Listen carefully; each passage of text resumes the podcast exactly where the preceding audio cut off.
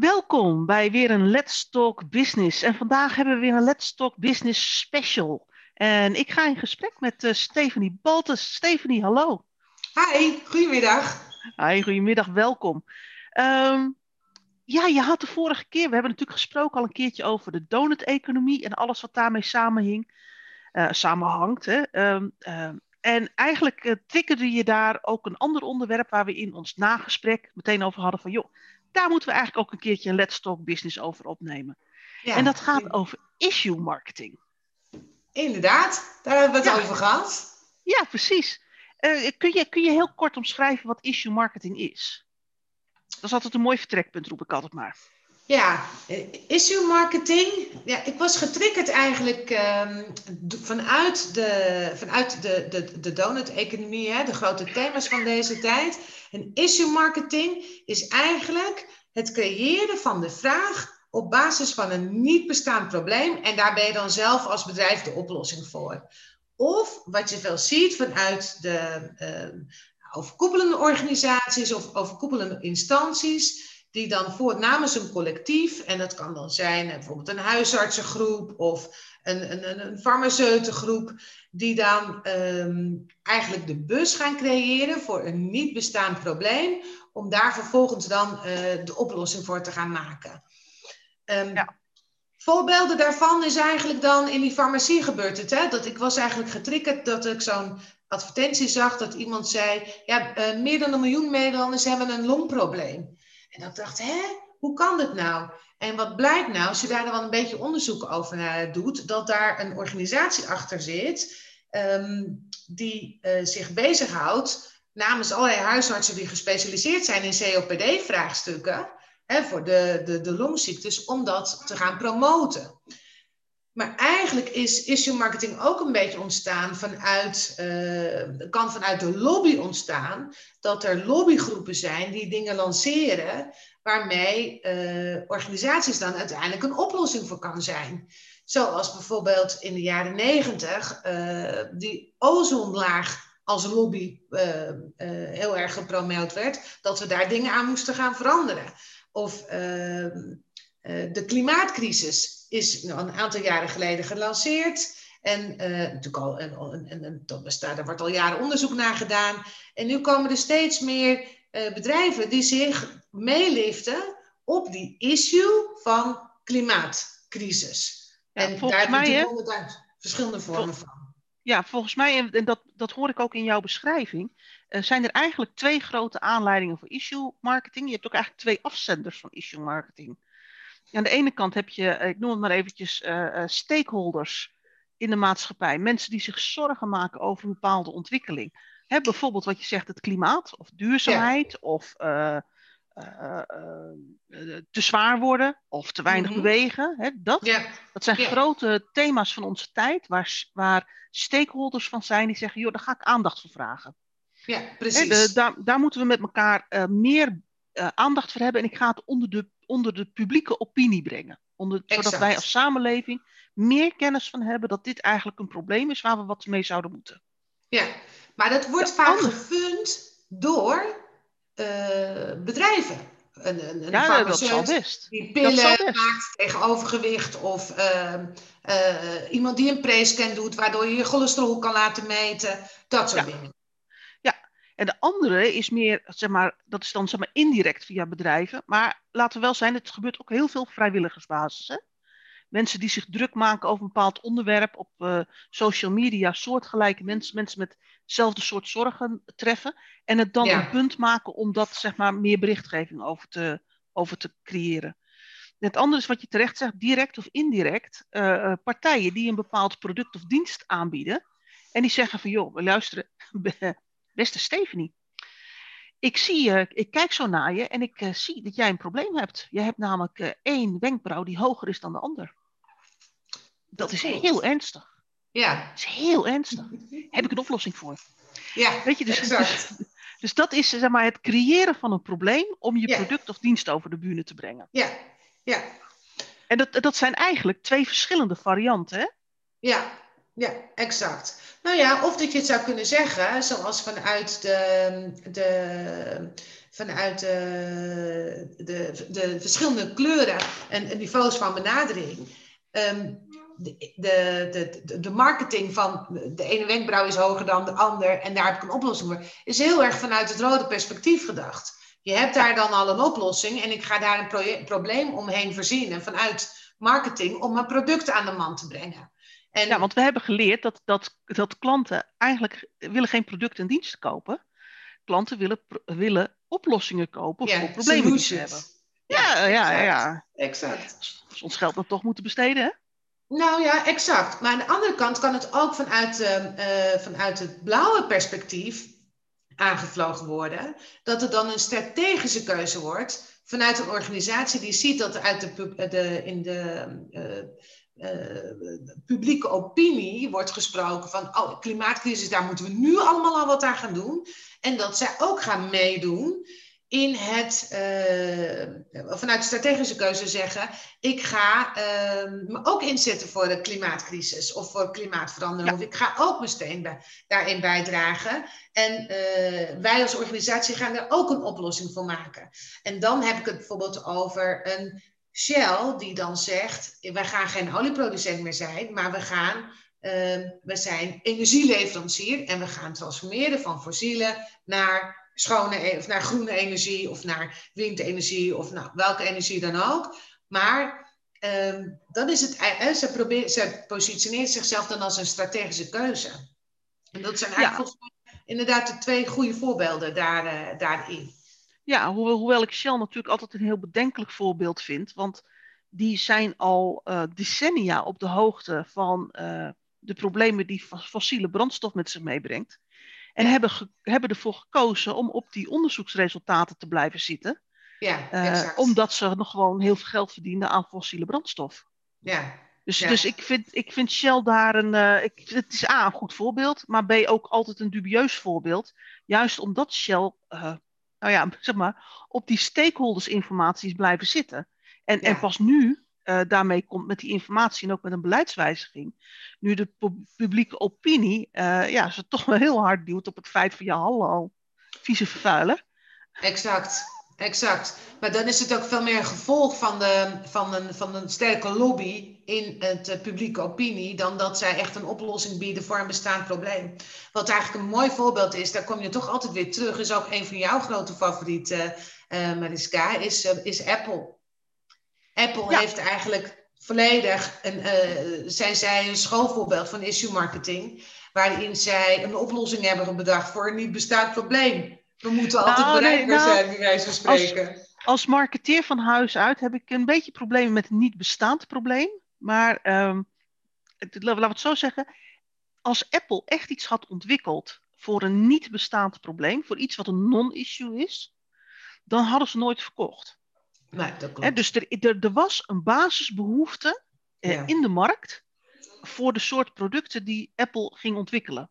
Ja, uh, alleen er waren ons aangewakkerd. Yes, dat is het woord, latente behoefte. Zij hebben, als er geen latente behoefte was, dus geen uh, onder alle aanwezige, zichtbare, voelbare behoeften die ik heb in het leven, liggen nog een aantal andere behoeften als het niet zo'n behoefte was geweest, dan was Apple nooit doorgedrongen met een succes. Nee, maar laten we wel zijn, als je nou voordat Apple groot werd, uh, nou laten we zeggen voor de introductie van de iPod, want daar is het eigenlijk allemaal echt mee begonnen bij Apple.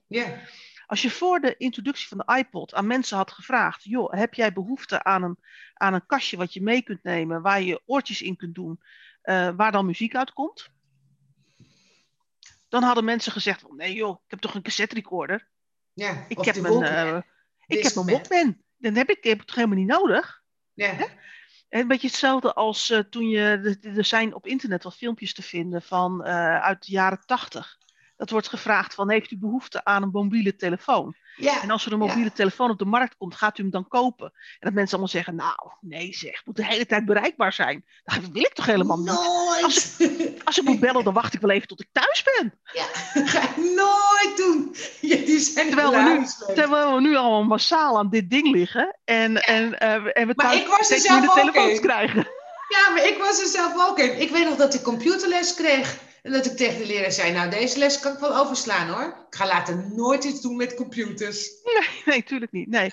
Nee, maar dus, dat, dat, dus uh, op het moment dat, hè, wat, kijk, dan beoordeel je feitelijk, hè, werd, werd er mensen gezegd van, van wil jij zo'n kastje hebben? Ja. Terwijl mensen nog niet wisten wat dit kastje voor hun betekende. Ja. Maar het uh, altijd toegang hebben tot informatie, alle informatie die je wil hebben, altijd toegang hebben tot jouw netwerk en tot je vrienden en familie, is een latente behoefte. Ja. En als organisatie, als, hè, als marketeer heb ik altijd geleerd, uh, op het moment dat je uh, uh, een product of een dienst in de markt wil zetten, moet je aansluiten bij een behoefte van een klant. Ja, exact. En het mooiste is als je aan kunt sluiten bij een latente behoefte, want dat betekent namelijk dat je nog geen concurrenten hebt. Nee, en dan ben je de eerste en kun je je markt veroveren. Precies. En daarna en... is het natuurlijk zaak om je marktaandeel te houden. Uh, ja. Daar heeft Apple natuurlijk een, geweldig, uh, een geweldige rol in, uh, in gehad. Ja, en, en, en laten we wel zijn, als je de eerste bent, heb je gewoon een heel groot voordeel. Ja. En, dat, en, dat, en dat, ik laat het zo zeggen, dat voordeel is niet makkelijk weg te nemen. Nee. Ja, want jij hebt, hebt de naam en nou, laten we even een voorbeeld noemen. Hè. Xerox was de eerste met een kopieermachine. Nou, wij hebben het nog steeds over, uh, uh, moet je even een kopietje maken. Maar in het Amerikaanse taalgebruik hebben ze het niet over maken van kopieën. Dan hebben ze het over, do you want to Xerox it? Ja. Dus dan is je merknaam omgebouwd tot, ja. tot, tot, een, tot, een, uh, tot een werkwoord. Ja. Nou, als je dat kunt bereiken, dan, ik bedoel, ja, ik wil bijna zeggen, dan is die markt zonder jou niet meer te bedenken. Nee, nee. Dat is ook mooi, dat is een mooi voorbeeld ook hoe dat, uh, hoe dat kan ontstaan. Waar, dat, als je dan, waar je dat nu, uh, een bedrijf waar ik nu zie, waar zij uh, volgens mij op het issue marketing een, een vooruitstrevende rol hebben gespeeld, is ook bijvoorbeeld een bedrijf als Uber. Zij zijn als eerste, hebben ze eigenlijk gewoon de voorsprong gehad door te zeggen, we gaan allemaal de taxi digitaal maken, waar de traditionele taxiwereld zei, nou, dat is niet nodig. En uiteindelijk...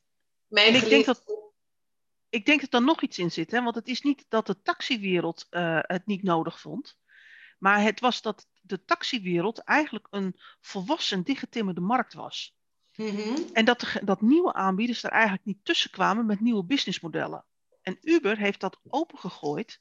En ja. er zit een latente behoefte bij consumenten om op een andere manier vervoer te regelen dan via een taxi. Want ik ja. weet niet hoe het jou afgaat, maar uh, nou, laat ik het zo zeggen, voor de introductie van Uber, laten we even tien jaar teruggaan in de tijd. Nam ik toen vaak een taxi? Nee. Want een taxi moet ik bellen.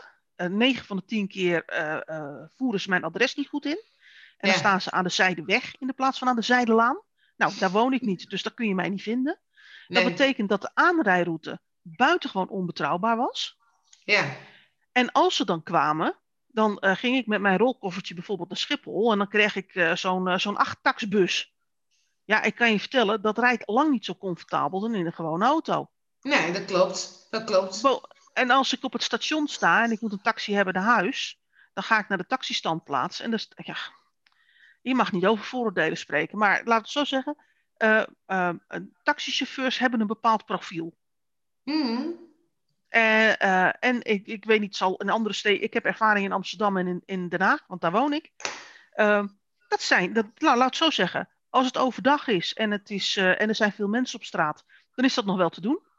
Maar als jij s'avonds ongeveer als enige uit het station komt. dus dan kan het wel onplezierig zijn. Ja, is ja. dat niet per definitie prettig. Ja. en ik stap bij een taxichauffeur in de auto, waarvan ik niet weet wie het is. Ik kan het ook niet traceren. Ik hoor geen naam. Ik, ik kan het op het moment dat, er iets, dat ik iets te klachten heb, kan ik ook niks terug uh, herleiden. Mm. Dus er, zit een, er zat een enorme uh, latente behoefte bij ons burgers om op een andere manier ver, vervoerd te worden. Ja, ja. Als die ja, latente behoefte er niet was geweest... eigenlijk ook. Sorry? Dat, daar, het appelleerde ook aan een aantal verschillende, op een aantal verschillende niveaus waarop mensen, uh, waar mensen aan behoefte hebben. Want ook ja. bij het instappen bij een taxichauffeur, uh, daar wil je je veilig bij voelen. Maar aan de andere kant, ik denk ik ook wel dat, ehm, eh, en dat is wel een beetje hetzelfde waar Apple ook mee te maken heeft gehad in het begin. En er zijn, uh, een Airbnb heeft hetzelfde daarmee gehad. Ze hebben natuurlijk ook enorme voordelen gehad dat ze, dat ze direct digitaal online met een goede tool kwamen. Waardoor mensen makkelijk uh, aan konden haken. Waarop uh, klanten makkelijk aan konden haken. Want die hadden toch allemaal al die telefoon en zijn daarin uh, in, in, in doorgegaan. En de traditionele markten hebben wat dat betreft echt de boot gemist om daar dan ook direct in mee te gaan. Hè? Ja. Airbnb wordt nog steeds als een, als een grote bedreiging beschouwd. Terwijl je het ook kunt zeggen, kennelijk vervult het dus gewoon een behoefte waar mensen, waar consumenten naar op zoek zijn. En wat ik, wat ik wel spannend vond, en daarom vond ik het ook spannend toen we in dat nagesprek van onze vorige Let's Talk Business Special uh, het op issue marketing uitkwam, is dat issue marketing natuurlijk, uh, nou ja, vroeger was, was een dingetje hè, voor marketeers. Mm-hmm. Hè, je, had, je had een product of een dienst wat aan de markt gezet moest worden. Nou, dan ging je op zoek naar een probleem waar je een oplossing voor kon bieden. Hè? Ja, uh, en, dan, en als het probleem er niet is, dan praten we hem je wel aan. Jouw ene wenkbrauw is, niet, uh, is hoger dan de ander. Oeh, wat een probleem. Uh, ja, en als ik, dat maar, als ik dat maar vaak genoeg herhaal in verschillende dingen, ik haal er ook nog wat beroemdheden bij die dat ook zeggen. En iemand met een witte jas die aangeeft, nou, dat is toch wel echt een heel zwaar probleem. En voor je het weet heb jij een probleem. Ervaar je ook een probleem. Maar en dat mensen gaan die boodschap ook geloven, hè? als je het maar vaak ja. genoeg herhaalt. Ja, en, en, en dus ook beroemdheden en uh, de zogeheten expert, hè? dus in dit geval iemand met een witte jas aan, erbij haalt, dan, uh, dan, dan wordt het al snel ervaren ook als een probleem. En dan heb je in principe als marketeer je werk goed gedaan. Maar nu, met alle, alle digitale ontwikkelingen en ons 24/7 aangesloten zijn op social media, mm. uh, ontstaan er ook andere structuren van issue marketing. Yeah. Dat is namelijk wat jij en ik in ons netwerk onder de aandacht gaan brengen. Yeah. En, als, en als dat aansluit bij een soort basisbehoefte of een basisangst, dan gaan mensen dat doorzetten naar anderen. En zo ja. bereik je eigenlijk heel snel, kun je heel snel heel veel mensen bereiken en ook beïnvloeden in wat zij belangrijk vinden. Ja. En daar ben ik, daarbij ben ik dan als organisatie niet meer de afzender. Nee, nee dat klopt. Dat stond ook bij, uh, ik heb een beetje zitten research natuurlijk op issue marketing. En er staat er ook in, een, uh, een van de voorwaarden waarop je issue marketing succesvol kan toepassen, is dat je uh, uh, dat je de groepering met de voor's en tegenstanders uh, zo snel mogelijk weet neer te zetten. Waarbij natuurlijk de voorstanders groter moeten zijn dan je tegenstanders. Um, zodat die, in, eh, die kunnen de schaalvergroting gaan maken. En als je eenmaal die wijziging hebt gehad, als je een, bepaalde significante grootte als groep hebt, dan kun je daarna kun je de hele wereld bereiken. Weet je wel, die 1 ja. keer 1 is 1 plus 1 is 2, plus 2 is 4, plus 4 is 8, plus, plus 8 is 16. Als je op 64 zit, dan heb je de hele wereld uh, ja. uh, te pakken, weet je wel. En die, ja. uh, die en, en, en dat maakt ook wel dat daarmee die doorbraak goed kan, kan, kan komen. En een van de voorwaarden van issue marketing is dat ze ook zeggen, kun je een media hype creëren? Um, en nou ja, goed, daar heb je natuurlijk, hoeft niet meteen uh, een heel, dat de hele internet ontploft en, en, dingen viraal gaan. Maar gewoon wel wat jij zegt, als je een bepaalde groep te pakken hebt die jouw product zo verder willen promoten, of eigenlijk een, uh, een mogelijk probleem of een mogelijke latente behoefte, om het even in de marketingtermen te houden, weten te adresseren bij anderen, um, kun je dat alleen maar vergroten.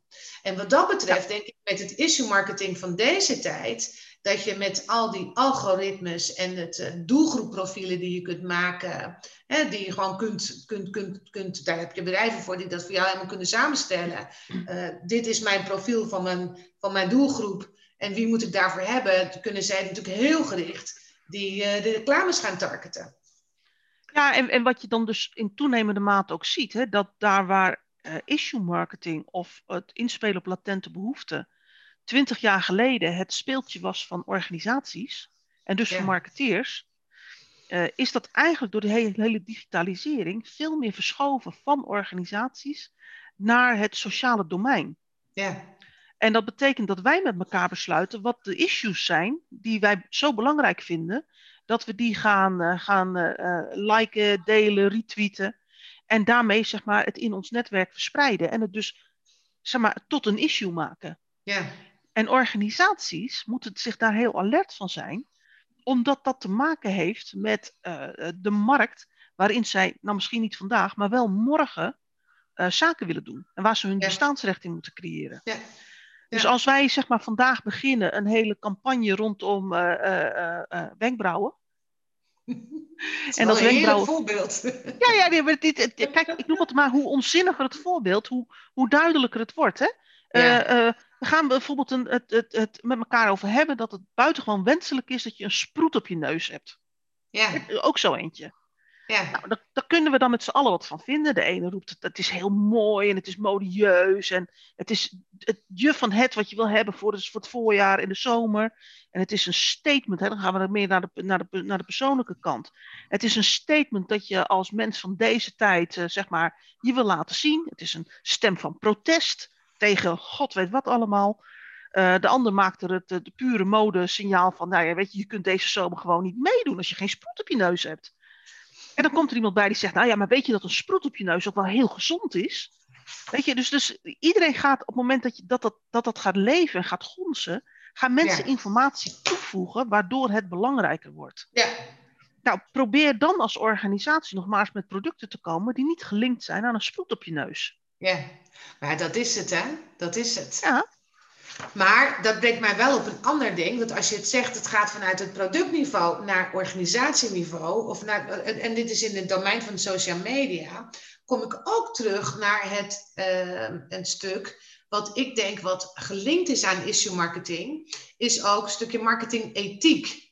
Dus ben je, uh, en dat heb je dan ook op verschillende niveaus, ben je uh, puur, we gaan, we gaan uh, ethisch doen vanuit de uitvoering. Dus we vinden dat we dat zo zijn. Maar ondertussen aan de achterkant hebben we hele andere doelstellingen. Of zit het echt in je DNA als organisatie en is het onderdeel van je missie of vanuit je visie? en vanuit daaruit is het een logische keuze. Uh, en, en, is je hele strategie op afgestemd. Dus dat ja, is wel ook wel een, een, een, een mooie mooi, ja, die erbij gaat komen. Een mooi voorbeeld daarvan, dan komen we toch even weer terug bij Shell. Uh, Shell is, is, het draait voornamelijk op fossiele brandstoffen. En daar ja. hebben ze heel veel, de laatste jaar, anderhalf jaar, heel veel commentaar op gekregen. Ja. Dus Shell vond dat ze marketingtechnisch groener moesten zijn. Ja. En toen hebben ze, volgens mij hebben ze het dan niet eens meer, maar heb, toen hebben ze een actie gevoerd dat je kon voor een cent per liter extra, ja. kon je CO2 afkopen. Hier hebben we het ook heel vaak over gehad in onze donut-economie verhaal. Ja. ja, precies. Wat? Ik voor één cent. Serious? Eén nee, cent per liter? Ja, en dan gingen en die... zij een boom kopen voor elke cent die je dan extra doneerde. Als je ging tanken, gingen zij dan een boom kopen. Nou, niet voor elke cent een boom, maar ze gingen voor dat geld wat het opbrengt, gingen ze dan bomen kopen. Ja. En dan is van, wat? Je creëert zelf het probleem, namelijk fossiele brandstoffen die gewoon allesbehalve uh, duurzaam zijn. En, je, en je, omdat het een, een, een issue is in de markt, prop je het bij je, bij je consument naar binnen. Zeg je van, en jij moet meer gaan betalen. Nou, ja. dat doen we wel vrijwillig natuurlijk. En dan lossen wij het niet op door onze brandstoffen beter te maken. Nee, we lossen het op door een labmiddel. We plakken een pleistertje extra. Met andere woorden, we, we poten ergens een boompje. Wat niemand kan controleren. Ja. En dit, dit, dit, dit is, denk ik maar, dit is verkeerd omgaan met, met issue marketing. Ja, dat is ethisch doen in plaats van ethisch ook zijn. Yes. Het is meer ethisch communiceren, nog niet eens ethisch doen, maar ethisch nee. communiceren. Dat, dat is jezelf een, een plakkaat geven van, kijk, ik ben toch wel heel goed. Mm, mm. Als jij wil dat ik een sproet op mijn neus heb, dan pak ik nu een stift, dan teken ik een sproet op mijn neus. Maar heb ik nog geen sproet op mijn neus? keertje douchen nee. is eraf, zou ik maar zeggen. Die moeten nog vanaf. Uh, ja.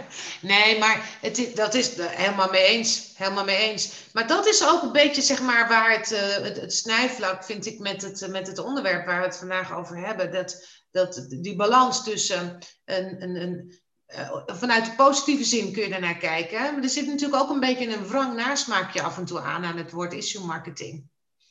En ehm, bij mij triggerde dat ook doordat ik met iemand sprak en uh, die, die het kwam bij een farmaceut vandaan. En die farmaceut was heel groot geworden uh, met een bepaalde medicatie die eigenlijk helemaal niet nodig was.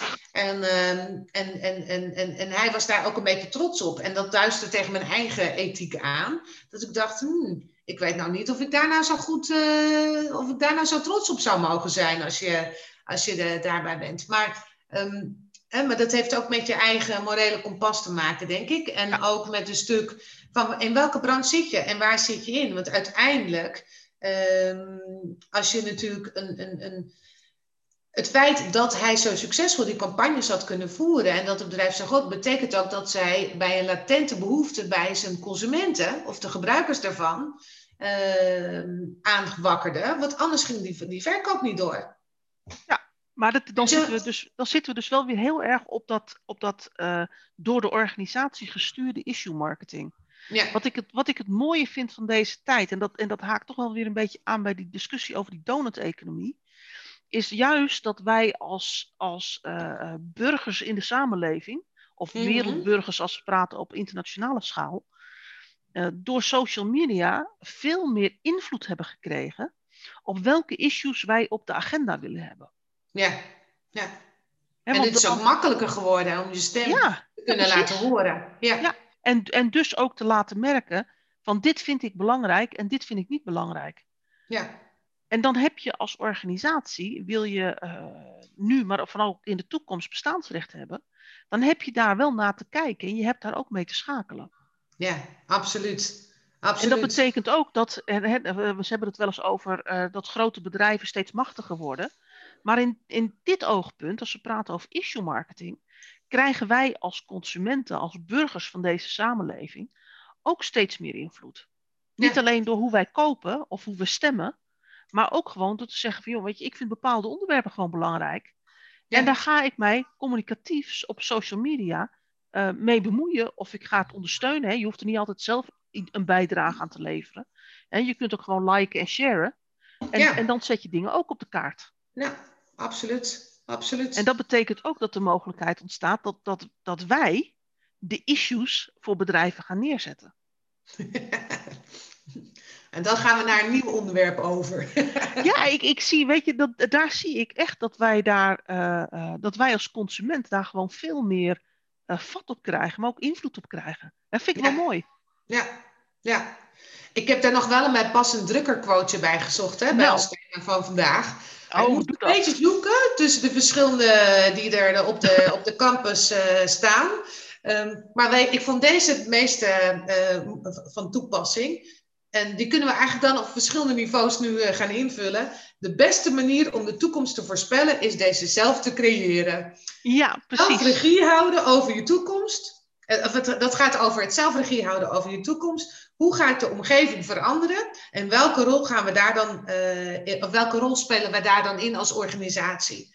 En eigenlijk hè, zorg je dan dat je besturing en je uitvoeringscyclus op elkaar uh, afgestemd wordt. Um, met wat, hè, en oog oog houdt, wat, wat gebeurt er in de markt? En hoe gaan we daar zelf een rol in spelen? Ik vond dat een mooie erbij passen. Ja, het is ook, een van, mijn, het is ook van een van mijn absolute favoriete drukkeruitspraken omdat hij zo tot op de kern aangeeft wat de kracht van bedrijfskundig kijken is. Ja. Ja, ja dus uh, ik ben sowieso wel een fan van drukken, maar, maar dit helemaal. Ja, dat weet ik. En ja. uh, jij hebt van de zomer al die drukkerquotes uh, gepost en daar een toelichting aan gegeven. Ja. En ik vond deze eigenlijk het een mooi bij, bij aansluiten bij ons onderwerp van vandaag. Nou, ik heb daar niks aan toe te voegen. Volgens mij moeten we het daar gewoon bij afronden. Dit is echt zo'n zo'n sluiting, daar kun je niet meer overheen. Nou, tot de hey, volgende keer dan. Ja, Stephanie, heel erg bedankt voor, voor deze discussie, voor deze Let's Talk Business. Ik denk dat het een interessant onderwerp is waar, uh, waar heel veel mensen gewoon uh, eens goed over na kunnen denken. En ook met de input die we in deze Let's Talk Business hebben gehad, gedacht, hoe zit dat nou voor mij en mijn organisatie? Ja, exact. exact. Ja. Nou, graag nou, gedaan. Dankjewel. Ja, tot de volgende keer. Tot de volgende keer. Oké, okay, doei doei. Dag.